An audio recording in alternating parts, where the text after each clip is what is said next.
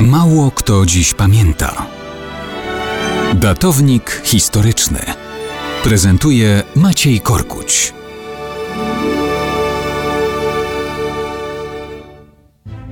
Mało kto dziś pamięta, że Roger de Flor to niekoniecznie wino, kawa semi-seco do picia wieczorami.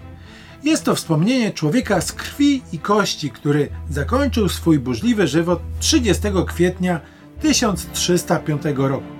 Ale hmm, czyżby personalia średniowiecznego awanturnika nie były akurat właściwe na takie trunki? Była to postać niebanalna, która potrafiła dać się we znaki zwycięskim wcześniej osmańskim zdobywcom. Roger de Flor, urodzony na Sycylii, był synem Rüdgera von Blum i pewnej szlachcianki z Brindisi. Po niesprzyjających kolejach losu związał się młody Roger z templariuszami.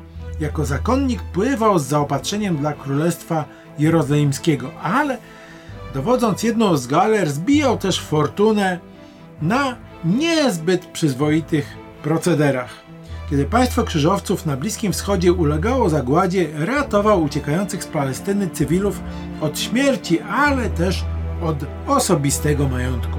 Uchodźców odstawiał ponoć na Cypr, a ich dobytek zostawiał na statku zabierał dla siebie.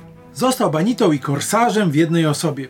W końcu podporządkował się sycylijskiemu władcy o nie najlepszej reputacji Fryderykowi II, w imieniu którego walczył na morzach i wspierał wojska sycylijskie na lądzie. Został wtedy wiceadmirałem. Faktem jest, że kiedy Tureccy poddani Osmana rozbili wojska bizantyjskie pod Nikomedią w 1301 roku, Roger de Flor na czele wojsk katalońskich potrafił wyprzeć Turków z azjatyckich posiadłości wschodniego cesarstwa. Oczywiście nie za darmo.